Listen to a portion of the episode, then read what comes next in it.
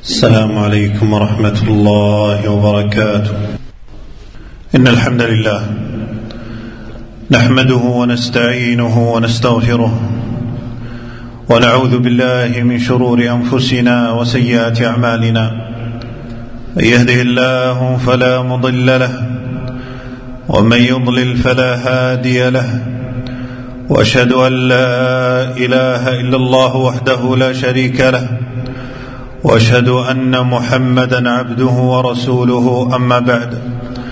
إن أصدق الحديث كلام الله وخير الهدي هدي محمد صلى الله عليه وسلم وشر الأمور محدثاتها وكل محدثة بدعة وكل بدعة ضلالة وكل ضلالة في النار أما بعد.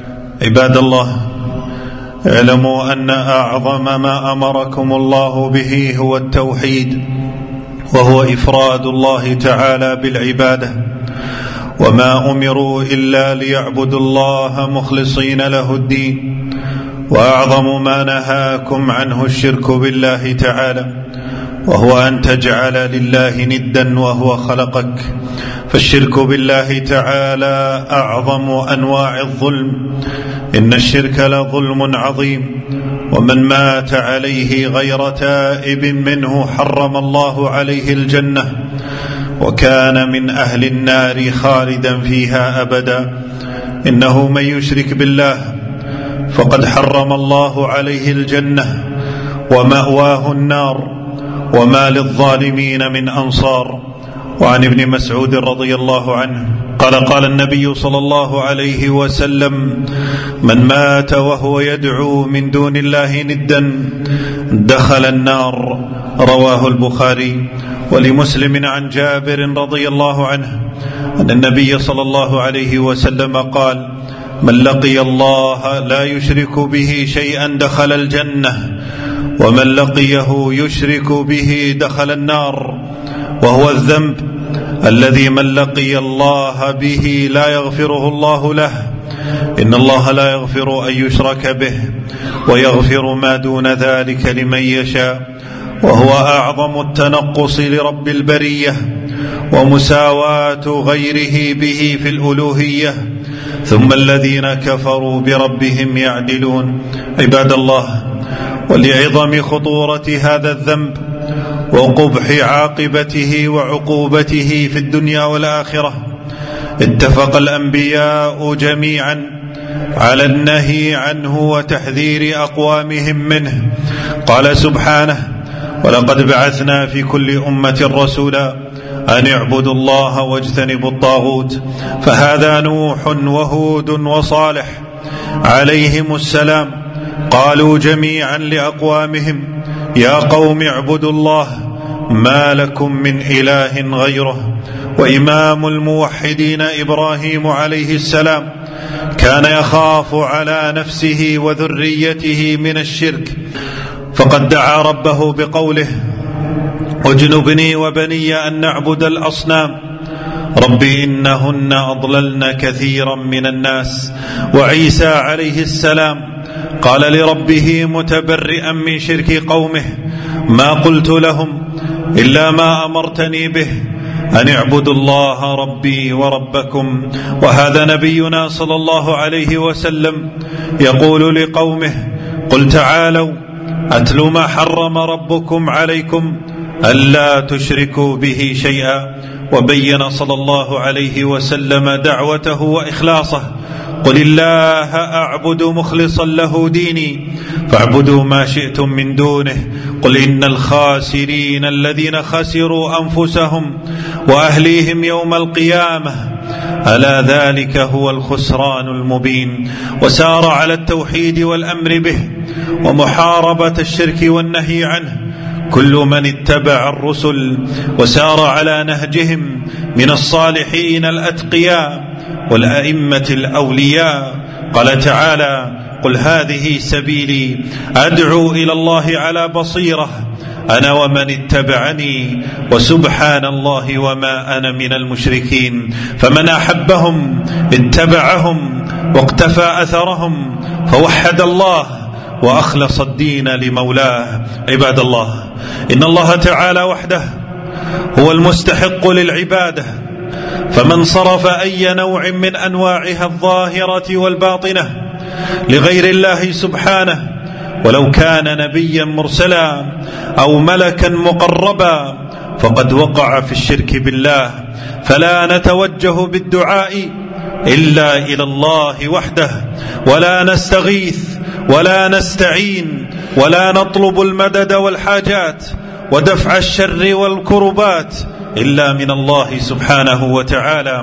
قال عز وجل ومن أضل ممن يدعو من دون الله من لا يستجيب له إلى يوم القيامة ولا نذبح ولا ننذر إلا لله سبحانه.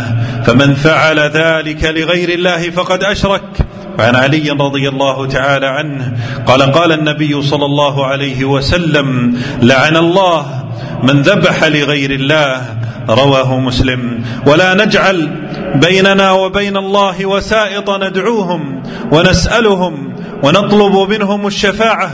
كما فعل كفار قريش فأنزل الله تعالى كفرهم في كتابه فقال ألا لله الدين الخالص والذين اتخذوا من دونه أولياء ما نعبدهم إلا ليقربونا إلى الله زلفى. إن الله يحكم بينهم فيما هم فيه يختلفون. إن الله لا يهدي من هو كاذب كفار. فدعاؤنا وصلاتنا وجميع عباداتنا لله رب العالمين. وبهذا أمرنا ربنا تبارك وتعالى. قل صلاتي ونسكي ومحياي ومماتي لله رب العالمين لا شريك له. وبذلك أمرت وأنا أول المسلمين. اللهم أمتنا على التوحيد. أقول ما تسمعون وأستغفر الله العظيم لي ولكم من كل ذنب فاستغفروه إنه هو الغفور الرحيم. الحمد لله الصلاه والسلام على رسول الله وعلى آله وصحبه ومن اتبع هداه أما بعد عباد الله واوصيكم ونفسي بتقوى الله فمن اتقى الله وقاه ونصره وكفاه. عباد الله لقد سد نبينا صلى الله عليه وسلم كل أبواب الشرك والطرق الموصلة إليه حماية لجناب التوحيد وحرصا على أمته من سلوك سبيل المشركين الهالكين ومن أعظم أسباب الشرك بالله التي جاء النهي عنها الغلو في الصالحين وهو السبب الذي أوقع الأمم السابقة في الشرك بالله تعالى بل ما وقع الشرك بالله تعالى إلا بسبب الغلو في الصالحين وإعطائهم بعض صفات رب العالمين فدعوهم والتجاوا إليهم وسألوهم من دون الله تعالى وحلفوا بهم ونذروا لهم كما وقع في قوم نوح عليه السلام. ولهذا قال صلى الله عليه وسلم يا أيها الناس إياكم والغلو في الدين فإنما أهلك من كان قبلكم. الغلو في الدين رواه النسائي. ونهانا صلى الله عليه وسلم أن نغلو فيه فكيف بغيره ومن هو دونه؟ فقال عليه الصلاة والسلام لا تطروني كما أطرت النصارى ابن مريم فإنما أنا عبده. فقولوا عبد الله ورسوله رواه البخاري. بل نهى صلى الله عليه وسلم في آخر حياته أن يغلو أحد في قبره فيجعله عيدا ومسجدا كما فعل أهل الكتاب بقبور أنبيائهم. فعن عائشة رضي الله عنها قالت قال رسول الله صلى الله عليه وسلم في مرضه الذي لم يقم منه لعن الله اليهود والنصارى اتخذوا قبور أنبيائهم مساجد. قالت عائشة فلولا ذاك أبرز قبره غير أنه خشي أن يتخذ مسجدا. متفق عليه. وهذا بيان منه صلى الله عليه وسلم لعظيم افتتان الناس بقبور الصالحين فسد هذا الباب حماية للتوحيد وصونا له ومن ذلك نهيه عن الصلاة في المقابر فقال عليه الصلاة والسلام وإن من كان قبلكم كانوا يتخذون قبور أنبيائهم وصالحيهم مساجد. ألا فلا تتخذوا القبور مساجد؟ إني أنهاكم عن ذلك. رواه مسلم. ونهى عن البنيان عليها ورفعها كما جاء عن جابر رضي الله عنه قال نهى رسول الله صلى الله عليه وسلم أن يجصص القبر وأن يقعد عليه وأن يبنى عليه. رواه مسلم. فاحذروا عباد الله طرائق الشياطين ووسائلهم لصرفكم عن التوحيد وأفضاله وغمسكم في مهاوي الشرك وأوحاله. واجتهدوا في دعاء الله أن يثبت قلوبكم على التوحيد وأن يميتكم عليه. اللهم يا مقلب القلوب ثبت قلوبنا على دينك. اللهم يا مصرف القلوب صرف قلوبنا إلى طاعتك. ربنا آتنا في الدنيا حسنة وفي الآخرة حسنة وقنا عذاب النار. اللهم اغفر للمؤمنين والمؤمنات والمسلمين والمسلمات الأحياء منهم والأموات. ربنا اغفر لنا ولوالدينا وصلى الله وسلم وبارك على نبينا محمد.